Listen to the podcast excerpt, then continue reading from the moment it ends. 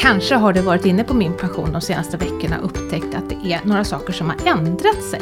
Så här innan podden gör sommaruppehåll så tänker jag att vi ska ta en titt på dem och reda ut vad det är som har hänt och varför. Och till min hjälp så har jag min pensionsverksamhetsutvecklare Niklas Bertilsson i studion. Hej Niklas! Hej, kul att vara här igen. Ja, för du har varit med många gånger. Jag räknade på det. Ja. Jag vet inte om jag räknade rätt, Nej. men då blir det det här den femte gången. Femte gången och Mm. kanske då sista i alla fall med den här hatten. Ja, eh, som det ser ut. Sista gången med min pensionhatten på. Eh, jag, eh, ja det är dags för mig att dra vidare på nya äventyr. Både, både privat och eh, yrkesmässigt. eh, Då jag flyttar ner till Malmö med familjen och eh, ska jobba som pensionsrådgivare på ett litet bolag. Jag är ganska avundsjuk på dig ju, för du får flytta till Skåne, det är min dröm också. Ja. Nej, det ska bli trevligt. Det Mm. blir eh, flytt med familjen och börja om på Ja, nytt eh, lite grann. Ja. ja, så så är det med den saken. Men vi är väldigt glada att du är här idag hos oss och kan ta det här sista avsnittet i alla fall då. Och berätta vad som har hänt. Mm. Mitt i högsommaren. Mitt i högsommaren. Det är säkert 100 grader i den här studion just nu känns det som. Och, och så har ni ju mig också, Maria Eklund. Och faktiskt så är inte våran pensionsekonom med idag. Det är nog första avsnittet som Kristina Kamp inte är med. Men ja, henne kommer ni inte höra. Men mig kommer ni höra, alltså Maria Eklund. Och jag ska vara kvar i höst också. Så att ni kommer fortsätta höra mig. Ja, men vi hade ju systemuppdateringar i juni.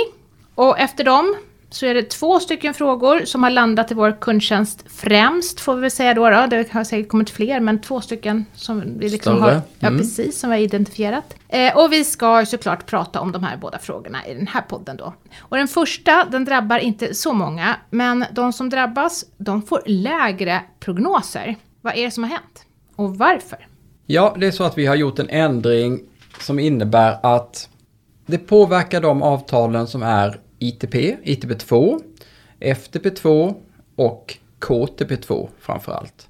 Eh, även till viss del eh, inom det statliga PR16 avtalsområdet eh, för en del där.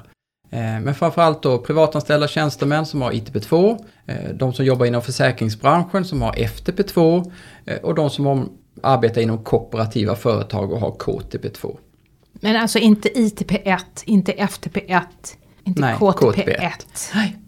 Inte de som är yngre. Inte de som är yngre, Nej. inte de som har de Nej. nya avtalen. Nej. Och det vi har gjort är att tidigare har vi alltid räknat med någonting som kallas för slutbetalning. Mm, vad är det då? Många har ju hört ordet slutbetalning Mm. på något sätt, men, men eh, få vet vad det är. Jo, men det innebär att om man går, om man slutar i slutar sin anställning och går i pension och intygar att man inte ska arbeta vidare, så får man premier insatta som om man hade jobbat kvar ända fram till 65 år. Mm. Och det kallas för slutbetalning.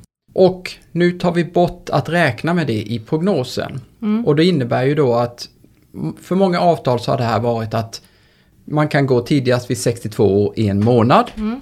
Eh, Och då får man ju premier under nästan tre års tid som blir insatta. Just. Mm. Eh, Och nu tar vi bort de här treårsinsättningarna. Varför då?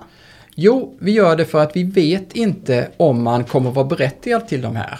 Eh, Och historiskt sett har väl inte det varit några problem, för de flesta har ju slutat och sen inte jobbat mer. Men idag blir det allt vanligare att man fortsätter att jobba till viss del och kanske hoppar över till någonting annat. Har jobbat inom ITP 2 och sen blir man eh, och jobbar inom, ja, men som konsult eller någonting annat. Så det är inte lika självklart att man avgår i pensioneringssyfte som det så fint heter. Man får max jobba åtta timmar i veckan. Så det är en av anledningarna. Vi vet inte vad som kommer gälla. Eh, och då hellre att ge en lite för negativ prognos än en lite för optimistisk prognos. Tidigare har vi haft vissa begränsningar i prognosen eh, som gör att man har inte kunnat plocka ut eller man har inte kunnat räkna prognoserna på en tidigare uttagsålder än just 62 år. Men exempelvis, de här planerna har som ITP2, FTP2, KTP2 kan man plocka ut redan från 55 års ålder. Men från, på min pension har du bara kunnat plocka ut de här försäkringarna från 62 år. Ja, det har, alltså det har gått att simulera från 62, Ja. inte från 55? Ja, Nej, okej. eh, det har ju varit fullt möjligt ute hos pensionsbolagen naturligtvis. Men då har många blivit Många frågetecken, många känt sig kanske lurade. Varför kan jag inte räkna redan innan 62 Hon års tror att det är ålder? det som gäller då? Att det är Ja. sex, ja. Mm. Eh, och då har vi haft, vi fick en möjlighet nu när vi innan skulle göra den här förändringen att, ja men okej, antingen eh, får vi vänta med den förändringen till november. Eh, eller så kan vi göra förändringen men då måste vi plocka bort slutbetalningen. Och då valde vi att vi plockar bort slutbetalningen, öppnar upp så att man kan, jobba, man kan räkna även uttag ända ner till 55 år. Och sen är tanken att vi inför en möjlighet att räkna både med och utan slutbetalning längre fram här eh, under året. Planen är att vi har en förändring, en så kallad release i november. Och tanken är att man då ska kunna räkna, välja om man vill räkna med eller utan slutbetalning. Det är en tvåstegsraket här alltså? Ja, så blev Aha. det. Eh, och vi fick, vi, göra, vi fick göra ett svårt val och då valde vi att plocka bort slutbetalningen Ja. till att börja med. Men att kunna göra förändringarna bland annat för att kunna göra uttag ända ner i prognoserna till 55 år på de här försäkringarna. Aha, så det är därför alltså. Så det är, ja, i november då så kan vi räkna med att då... Då är planen att då ska man i... Och då är det gäller att man själv vet om man är berättigad till slutbetalning då? Eller? Ja, där får vi se. Eh, där får ju eh, mina kollegor jobba vidare med det här under, eh, under hösten. Men då är ju tanken att man i alla fall ska kunna välja i vissa av tjänsterna i alla fall. Vill du räkna med eller utan slutbetalning? Oj, oj, oj. Och då kan det ju vara så att min pension kommer ju välja ett alternativ som man anser är det liksom ja, normala kanske. Men det kan ju också vara så att man, man arbetar med att lägga upp information. Ja men vad ska jag tänka på då? Räk, ska jag räkna med eller utan? Vad är det som gäller för mig och hur ska jag resonera? Så det, där finns lite att jobba med, absolut. Som kommunikatör känner jag att det här blir en utmaning. Ja, men jag tror så här ser det ju lite ut nu i våra nya förändrade pensionsplaner. Det blir ju mer val att Ja, göra. ja. Det, det som var självklart för, för 5, 10, 15 år sedan är inte lika självklart längre. För vi jobbar på ett annat sätt, vi byter arbeten, vi jobbar, ja, men vi jobbar deltid mot slutet och jobbar kanske två olika yrken och de är olika pensionsplaner. Så det är det här att man tidigare jobbade, man, man kom in i en pensionsplan och så jobbar man i den hela vägen fram till man gick i pension.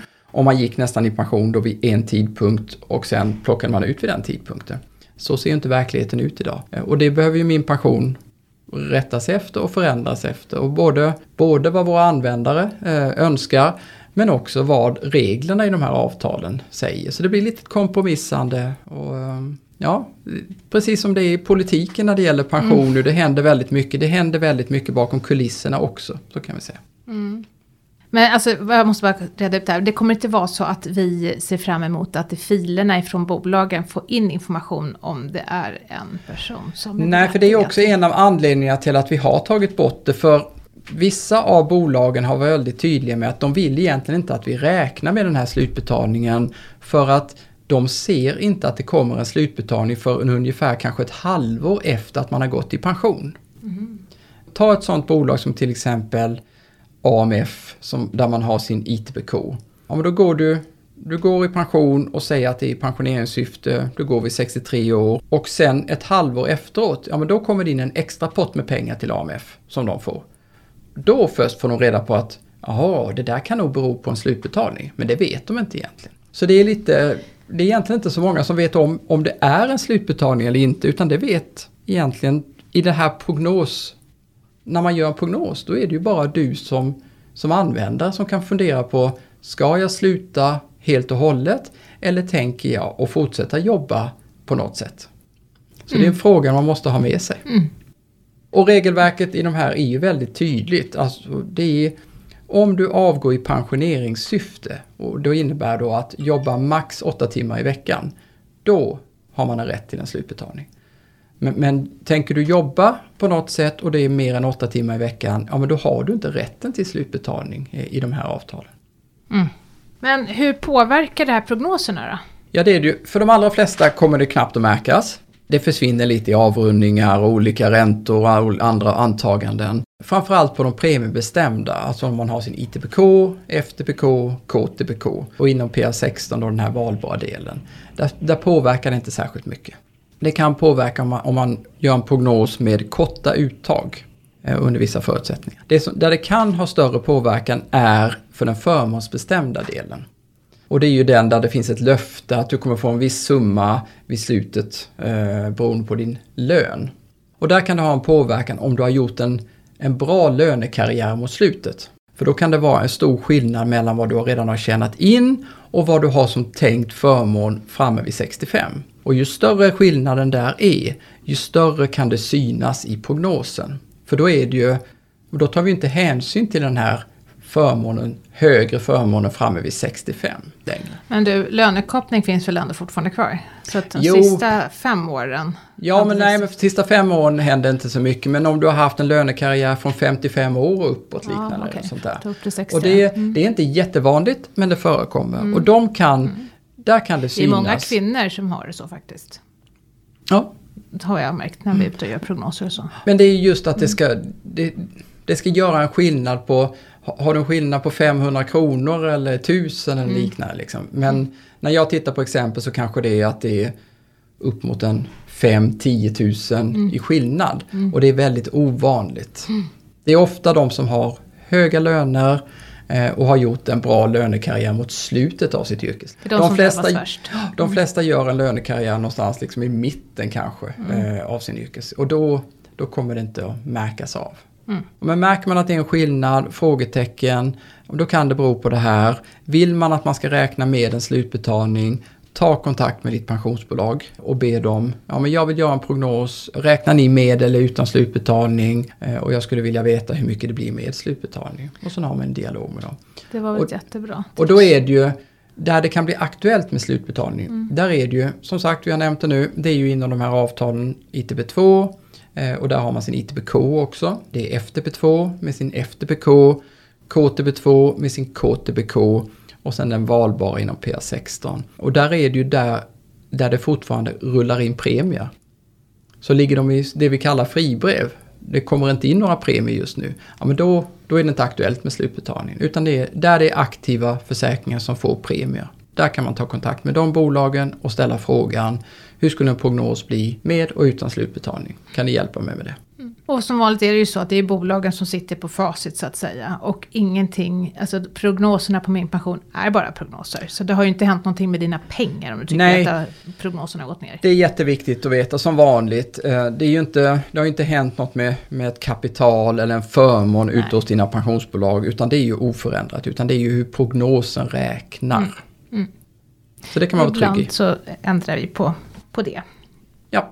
Typ nu. Eh, är vi klara med slutbetalningen där? ja, men det tycker jag. Ja, då går vi vidare till den andra frågan då, då som har hamnat i våran kundservice. Och den drabbar också främst de här jobbonärerna egentligen som vi pratat om också nu då. De här som eh, fortsätter att jobba och ta ut pension samtidigt. Eller ja, det pratade vi inte riktigt om förut, men vi var inne lite grann på det. Men ja, den här frågan handlar om jobbonärerna. Och vi har gjort en förbättring för dem, men det är likadant där, den haltar lite grann. Det är bara liksom halvdant gjort. För resten kommer, eller det är bra gjort, men resten kommer i, i senare i år förhoppningsvis då. då. Ja men det stämmer. Ja. Det här är ett första steg i en komplicerad värld. Och det innebär att vi, vi lägger till möjligheten att sätta vad som ska vara en sista arbetsmånad. När tänker man sluta jobba? Och då tänker vi än så länge är det sluta jobba till 100%. Och, och som vi var inne på, idag ser kanske inte världen ut på det sättet utan du, du slutar normalt sett, eller normalt sett, men väldigt många idag slutar inte jobba till 100% utan de trappar ner mot slutet. Men det här är vårt första steg för att kunna bistå i den planeringen. Eh, och då finns det en möjlighet i, i vår tjänst som heter simulatorn eh, och i tjänsten uttagsplaneraren. Att man kan kunna svara på, ja men när tänker du sluta jobba? Och då kan du sätta en särskild tidpunkt för det. Om jag skulle vilja sluta jobba och den tidigaste tidpunkten är 55 år. Så för det är den tidigaste möjligheten när man kan plocka ut sina pensioner. En del vill ju sluta jobba redan vid 30 eller något sånt där, 35. Men det, är tänkt, det stöder inte min pension. Vi är en pensionsplaneringstjänst. Eh, men då skulle du kunna från och med nu sätta att jag vill sluta jobba vid 55. Och då slutar vi räkna premier, insättningar fram till från och det. Men jag vill inte plocka ut förrän vid 60 exempelvis. Mm. Lite extremfall. Men absolut, du har den möjligheten. Och då kan du se att, ja men okej, hur påverkar det mig? Hur påverkar det mig om jag slutar jobba helt vid en tidpunkt men plockar ut långt senare? Eller långt, det kan, vara, det kan vara en månad senare eller det kan vara flera år senare eller det kan vara samma tidpunkt. Och på det viset så har du ytterligare en möjlighet att kunna planera. Du kanske vill eh, leva på andra pengar, du kanske har en kapitalförsäkring eller ett arv eller liknande. Så det, är- och det är ett första steg för att ta oss vidare från det här och nästa då steg att kunna jobba med att göra prognoser för, ja men okej, nu vill jag inte sluta jobba helt utan nu vill jag trappa ner till 75% och, ju- och ta ut en del och sen vill jag trappa ner till 50%. Så det är ett första steg i den riktningen. Och när kommer det steget? Vet du det? Nej, det får vi nog avvakta och se. Det där är inte lätt när vi har tittat på det, utan här är det ju mycket regelverk. Eh, det, det är både liksom vilka regelverk som gäller för allmänna pensionen är inte så svårt, för där får man både jobba samtidigt och fortfarande tjäna in och du kan pausa hur du vill. Men när det gäller mycket av tjänstepensionerna så finns det ju särskilda regler som den här vi var inne med slutbetalning, att du måste avgå i pensioneringssyfte. Du måste sluta jobba helt. Och likadant, plockar du ut 25% i pension, ja men då måste du gå ner 25% i arbetstid. Så det finns mycket sådana här regler som i vissa fall är lika mellan olika tjänstepensioner men i andra fall skiljer sig åt. Mm. Och vi vill inte införa regler som sen visar sig att nej men det här gällde ju inte för mig. Så här, det är en resa att göra, att ta reda på vad gäller och sen kunna också utveckla någonting som blir begripligt för min pensionsanvändare när vi väl inför det. Så det är en resa att göra. Om man då vill simulera med det här då sista arbetsmånad, hur, hur gör man då? Ja, men då använder man sig antingen av simulatorn mm. eller uttagsplaneraren. Går vi in i simulatorn först så är det ju, den är ju öppen för för alla, mm. oavsett vilken ålder man har. Och då finns det en ny knapp som heter Sluta jobba, som är ny. Och vissa av de andra knapparna har bytt namn och bytt lite plats också. Så det kan vara från det man kanske varit inne tidigare, får man titta efter. Och då väljer man en tidpunkt för Sluta jobba. Och där, när man väl kommer vidare så står det Sluta jobba och sen kommer det sista arbetsmånad. Men det är samma sak. Så ibland säger vi Sluta jobba, ibland säger vi sista arbetsmånad. Och då anger du en tidpunkt. Och sen så kan du ju antingen nöjer du där och då kommer den att sätta, ja men jag vill sluta jobba vid 60. Och ändrar man inte någonting av de andra uttagsalternativen, ja men då går det normalt sett ju vid 65 eller vid andra tidpunkter, lite beroende på när man har sina uttag. Eh, men man kan ju också sen gå vidare och välja, ja men jag vill plocka ut mina pensioner vid en annan tidpunkt. Så där finns det alla varianter. Det är simulatorn och liknande är det ju i uttagsplaneraren. Men där är det ju bra att komma ihåg att uttagsplaneraren är öppen för de som är 54 år eller äldre. Och där kommer den egentligen som en första fråga. När tänker du sluta arbeta? Och då svarar man först på det och sen när tänker du ta ut dina pensioner? Mm. Och så svarar man på dem. Det känns nästan lite enklare. Ja, när du säger det. sådär. Jo men det är ja. det, för det är ju på något sätt, vi hade nog med oss det i ett tänk när vi utvecklade det här, att det, är, det känns logiskt att tänka på det sättet. Ja. När tänker jag sluta jobba? Och när tänker jag sen plocka ut pensionerna? Ja. Eh, men det är inte givet att det är samma. Nej, det är det ju inte. Nej. Så det kan vara bra, lite olika där. Jo, men någonting som är också bra att tänka på är att den här möjligheten har inte öppnats för alla ännu. Utan eh, det finns vissa där den är, vi säger utgråad. Du kan inte välja en tidpunkt utan det står bara avtalad. Mm -hmm. eh, och det, det, är på grund av att vi, vi jobbar fortfarande med att ja, men med bakom kulisserna att försöka ändra tillsammans med pensionsbolagen. Vi är lite beroende av att pensionsbolagen vissa gör förändringar och vi behöver göra lite förändringar på vår sida bakom kulisserna. Och det är de som har, jobbar inom kommuner och regioner, som har KAP KL, det gamla avtalet inom dem. Eh, det är de som jobbar inom statligt och som har PA16 avdelning 2. Så den gamla planen där. Inom dem så kommer det att jobbas på och där kommer det att bli tillgängligt den här tjänsten för fler under hösten. Så kanske då liksom någonstans mitten av hösten, kanske mot november. Och sen kommer det bli lite fler och fler. Alla kommer nog inte få det där, det kanske dröjer ända in till nästa år. Det låter som att det inte det är inte releasebundet hos oss, utan det är alltså bolagen som kommer släppa på. Det är lite, både, och. Uh, det, det, pågår rätt mycket arbete bakom kulisserna som sagt ja. med både hos Min Pension och hos okay. Framförallt KPA som en stor aktör mm. för det kommun och regionanställda. Eh, men hos SPV också för de statliga anställda. Eh, så vi har rätt mycket samarbete med dem och den här möjligheten kommer ju öppna upp för dem också. Eh, men är man privatanställd då kan man använda det här redan ja, idag? Ja, så har man ITP, har man SAF LO, mm. de här avtalen som privatanställda tjänstemän har och arbetare. Och, ja, men de allra flesta har den här mm. möjligheten just nu. Mm. De som inte har den heller, men det är kanske för oss rätt självklart, men kanske inte lika självklart för våra användare, det är om man under inställningar har valt att man är pensionär. Eller att man saknar arbetsinkomst. Mm. För då har du på något sätt, tolkar vi det som ingen inkomst och då har du redan slutat arbeta. Mm, ja, det är ganska logiskt. För oss är det logiskt, men det är inte helt, för vad är en pensionär när man väljer det under inställningar? Inte helt, inte helt tydligt. Nej. Ehm, så, så där är det ju. Så, men det är bra att veta mm. att ibland finns inte möjligheten ännu. Och ja, men då, då får man acceptera det och veta att vi, vi jobbar eh, hårt på att kunna öppna upp den möjligheten för fler. Mm. Precis som vi då jobbar med att kunna öppna upp möjligheten att kunna räkna istället också på att trappa ner att vara en så kallad jobbonär och hur det påverkar. Så att det är bara att hålla ut då. Det kommer bli bättre. Ja, men så här är är det ju. Så här är det ju på min pension och så har det ju varit under mina sex år eh, på min pension. Det är verkligen steg framåt, Mm. men det som kanske kan vara lite frustrerande Mm. både för våra användare men också för, våra, för oss på insidan, det är att det händer så enormt mycket inom pensionsområdet. Så här mycket har det ju aldrig hänt. Det är förändringen i allmänpensionen eh, och när det gäller de kollektivavtalade tjänstepensionsplanerna så förändras det också med en helt annan takt än vad det gjort historiskt. Jag kommer ju från en tidigare liksom, med privatanställda tjänstemän i ITP, ja, men det skedde ju en förändring var 40 år eller något. Eh, Men nu sker det ju, inte konstant, men det sker betydligt snabbare.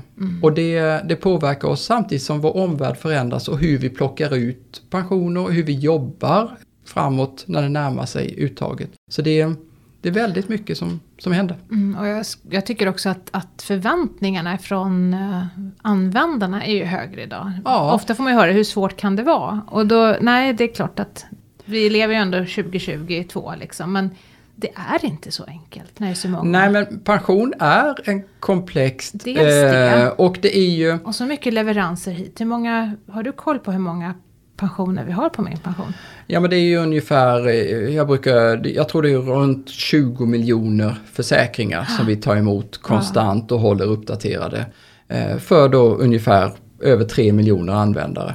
Ja. Eh, Och det är kanske ungefär 2 500 produkter, försäkringsprodukter. Så det är, det är en enorm mängd som snurrar runt i det här systemet och där man då ska försöka göra det enkelt, begripligt men också korrekt. Och korrekt, precis jag skulle säga det. För att det vore ju förfärligt om någon skulle gå i pension på fel premisser. Så att vi är ju Ja. lite försiktiga också. Jo men vi har en liten tendens att försöka vara, hell, jag brukar säga att hellre att ge, jag ger liksom och försvara en, försik, en för försiktig prognos än en för optimistisk prognos.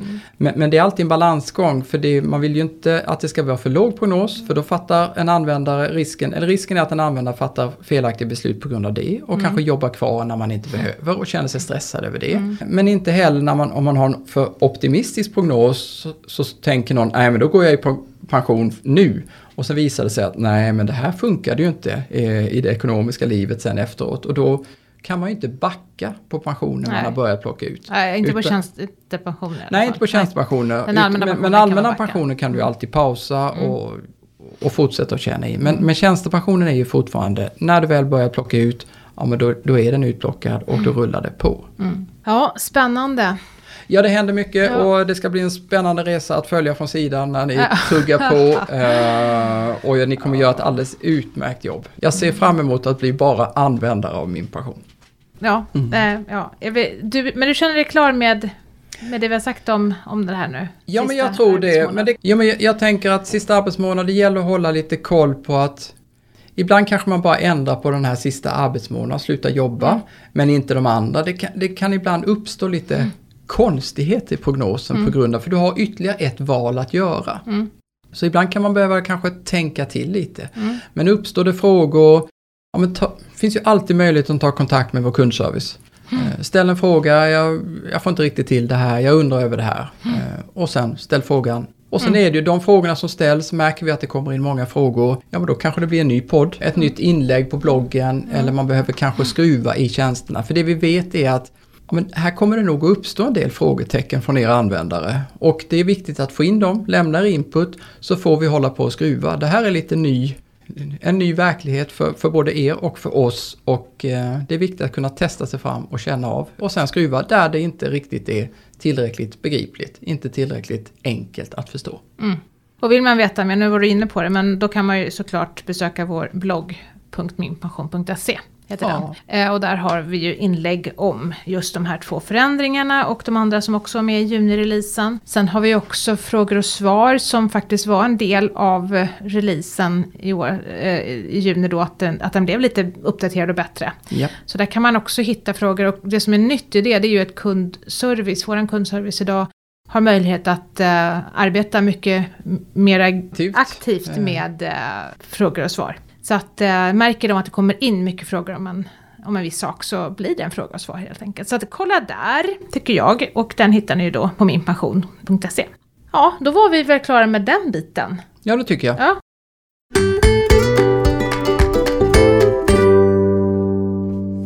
Då går vi raskt över till dagens fråga. Och den kommer ifrån Johanna. Hon jobbar på ett mindre företag som inte har kollektivavtal utan individuella pensionsplaner som är lika ITP-planen. Johanna undrar om det finns några risker med detta och undrar också vad hon bör tänka på om det är något speciellt. Hon undrar till exempel, rent specifikt så hon frågar hon om efterlevandeskyddet. Är det någonting som eh, man ska ta bort eller inte? Är det likadant som i andra avtal undrar hon?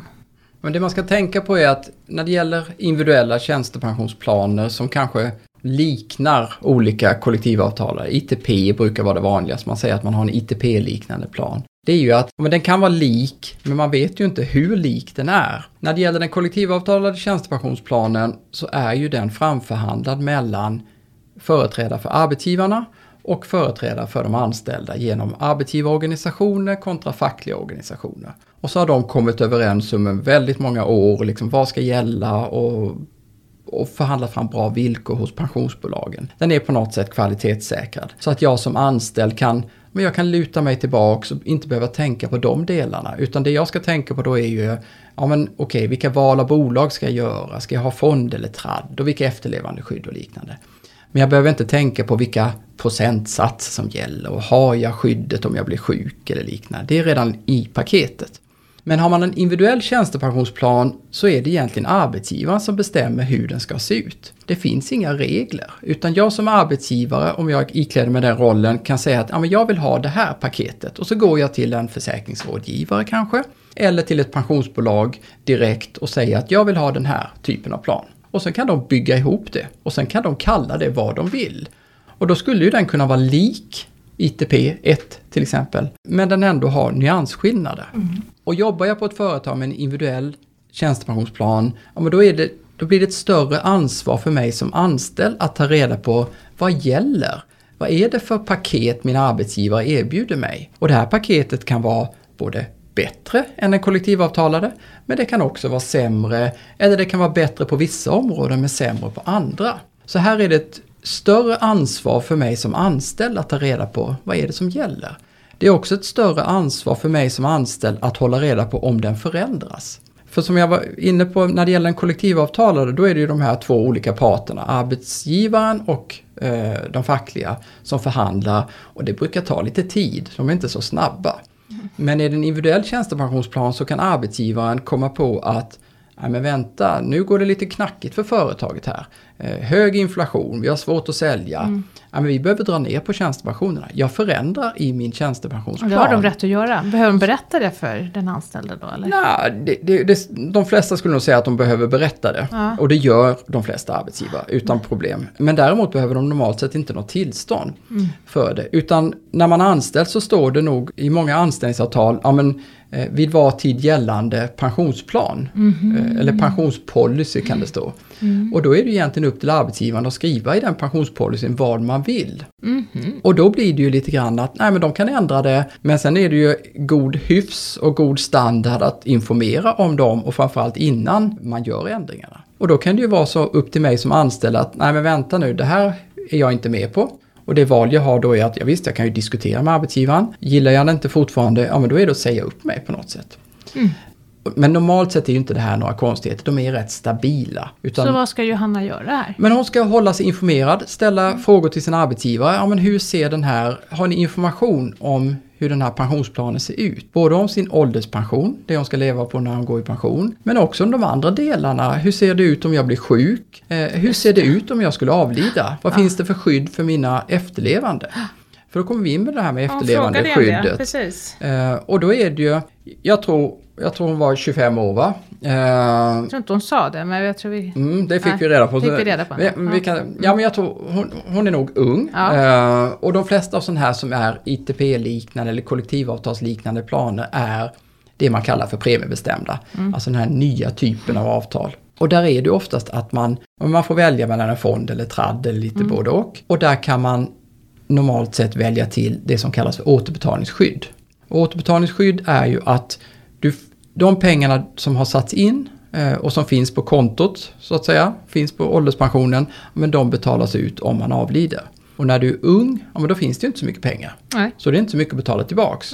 Eh, och då får man, det kostar ingenting i en avgift. Men däremot så går man miste om det som kallas för arvsvinster. Hur mycket arvsvinster är det på 25-åringar då? Ja men det är väldigt lite. Ja. Alltså normalt sett brukar man säga att det är väldigt lite arvsvinster för det är inte så många som avlider Nej. innan man är kanske 60.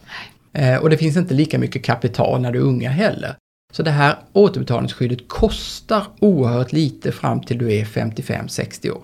Å andra sidan, om hon liksom inte har någon partner, inga barn och så, så kanske man ändå... Ja men så kan det absolut vara. Det man ska tänka på är att ett återbetalningsskydd när man träder in i en plan, Mm. eh, du får oftast utan någon eh, sån här särskild prövning, särskild hälsoprövning, Mm. då får du återbetalningsskydd i stort sett alltid på Ah. framtida premier. Ja. Eh, men du kanske inte alltid får det på historiska premier. Och då kan det ju vara bra, har du det, ja men då får du det på de framtida premierna. Men om du sen vill ha det när du är 45, och då kanske det har hänt något i Ja, livet. kanske du kanske har, ja, någonting har hänt Ja. som gör att du klarar inte den här hälsoprövningen kanske. Nej. Och då får Ja, du, bara, då får du inte på det liksom historiska kapitalet Nej. utan bara på framtida. Så jag skulle säga ett tips, ut, vi får inte ge några råd, men en, eh, Kom igen nu. det kostar så Ja, lite kostar för ett faktiskt. återbetalningsskydd så att, att inte ha... För Johanna som för- är så ung. som är så Mm. ung, att inte Som ha det eh, i början här, Mm. eh, ja men det är...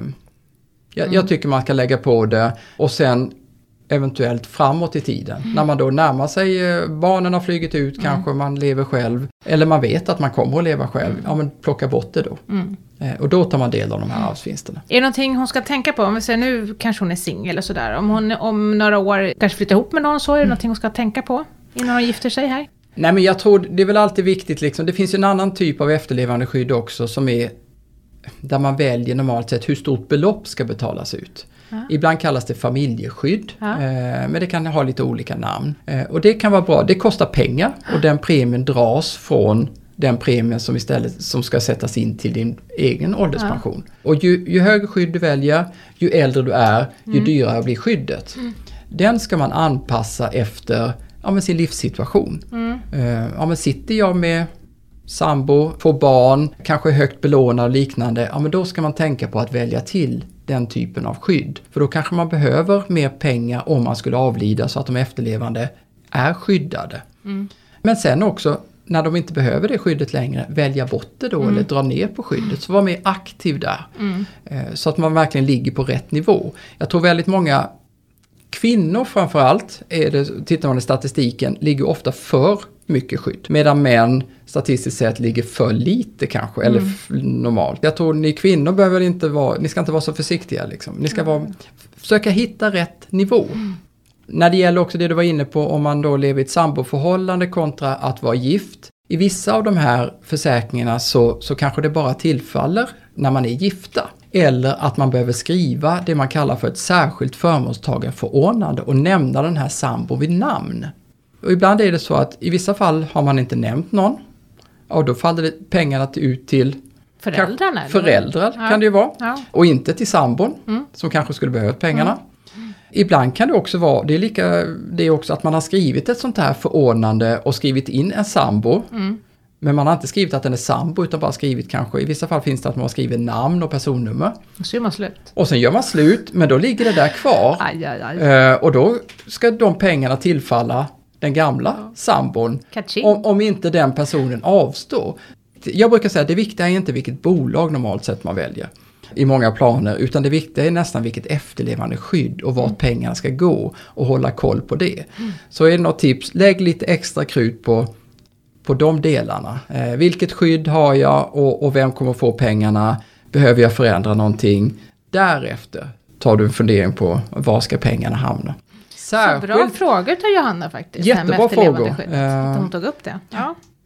Men som sagt, tips där, ja men har du en individuell tjänstepension, ja men då behöver du vara lite om och kring dig och ta reda på lite mer information. Var lite mer uppmärksam. Och sen gör rätt val, i första hand kanske efterlevandeskydd och sen i nästa steg för vart pengarna ska hamna. Mm. Och har du en individuell tjänstepension då är det också viktigt att ta reda på var pengarna hamnar. För där kan det ju vara så att det hamnar i en, ja, där kanske inte arbetsgivaren alltid har ställt samma krav som, som arbetsgivaren och de fackliga parterna tillsammans har ställt. Så då behöver man hålla koll på var hamnar pengarna och vill jag att de ska hamna där eller vill jag att de ska hamna på något annat sätt. Så det kanske är det första då, Johanna? Att, att ja, jag tycker ändå efterlevande prata med arbetsgivaren? Ja, absolut. Hon ska prata med arbetsgivaren. Hur ser, hur ser vår pensionsplan mm. ut? Vad gäller för mig? Och ta reda på så mycket information som möjligt. Mm. I vilka delar är den FTP eller ITP-lik? Ja, ja, i vilka delar är den lik och vilka delar är den mm. inte. Mm. Men ta reda på så mycket information som möjligt, hålla sig informerad. Mm. Mm. Och ställ frågor. Hon kan ju gärna, är hon medlem i ett fackförbund, ja men ställ frågor till dem. Mm. Är hon, ehm, har hon några andra kontakter, ja men ställ lite frågor. Ta reda på lite information, ställ lite frågor och bolla med någon. Mm. Eh, och ta reda på, ja men det här verkar bra eller här får jag nog ett frågetecken. Och ställ en ytterligare fråga till arbetsgivaren. Mm. Vad gäller? De kanske har och arbetar tillsammans med en försäkringsrådgivare mm. Mm. och då kan de svara på frågorna. Precis. Eh, och oftast är det väl HR-avdelningen då som vi, vi pratar om när vi säger arbetsgivaren. Ja, men det brukar vara mm. HR. Eh, men ibland kan det vara så litet företag som de nästan inte har en Nej. HR och då kanske det, är, VD. Då kanske mm. det är VD. Eh, men de ja. kan bolla vidare till någon i alla fall. Mm. Det, ibland kanske de bollar vidare till pensionsbolaget direkt och mm. liknande. Det var väl jättebra svar, väldigt uttömmande. Ja, ja en spännande att, fråga. Att ja, verkligen spännande. Och det var ju rätt person också att svara på den idag, tänker jag. För du är ju lite fackligt engagerad också. Ja, men jag är ju fackligt, fackligt engagerad och sitter i vår försäkringsnämnd inom försäkringsbranschen. Så ja. visst, jag, jag brinner för det här. Men det, det, är ju, ibland kan man ju bli lite färgad av att ja, men kollektivavtal är väldigt tryggt och säkert mm. för man vet vad man får. Mm. Men det behöver inte betyda att individuella tjänstepensionsplaner är sämre. sämre utan det är bara mer, skulle jag säga, att man behöver lägga ett större ansvar på mig som anställd att ta reda på vad som gäller. Ja. Eh, min arbetsgivare kanske har gett mig en jättebra tjänstepension. Mm. Eh, men kanske lite olika val och då behöver jag göra aktiva val i vissa mm. saker. Mm. mm. Ja, jättebra svar. Tack så mycket Niklas. Och det var allt för oss idag. Tack för att du har lyssnat. Podden produceras av Min Pension som är en oberoende tjänst i samarbete mellan staten och pensionsbolagen där du får koll på hela dina pensioner. I avsnittet har du hört vår verksamhetsutvecklare Niklas Bertilsson och mig, Maria Eklund. Normalt publicerar vi ju nya poddavsnitt varannan fredag, men nu kommer vi göra ett uppehåll under augusti, så vi är tillbaka igen i september. Vi tar lite semester helt enkelt. Och under tiden så tycker jag att du ska passa på att lyssna på våra tidigare avsnitt om du inte har lyssnat på dem såklart. Och du hittar dem som vanligt då på Spotify, iTunes, Acast, Soundcloud, ja i alla kanaler där poddar finns. Tänk vad mysigt att ligga på stranden och lyssna på min pensionspodden. Kan det bli bättre? Jag vill också slå ett slag för vår blogg minpension.se, den har vi pratat om tidigare här i podden idag. Men där hittar du massor av bra saker att läsa om. Och alla våra artiklar i Allt om pensioner på minpension.se, de är också väldigt eh, bra och eh, finns både för nybörjare och för de som är lite mer kunniga i pensionsämnet. Och testa dina kunskaper om sommar och pension i vårt sommarquiz som du också hittar på blogg minpension.se. Nu önskar jag och Niklas dig en riktigt skön sommar. Bada mycket, ät mycket glass och sola med förstånd och ut och njut. Eller hur Niklas? Glad sommar! Ja, glad sommar. Ha det så jättebra. Ta hand om dig och din pension tills vi hörs i september. Hej!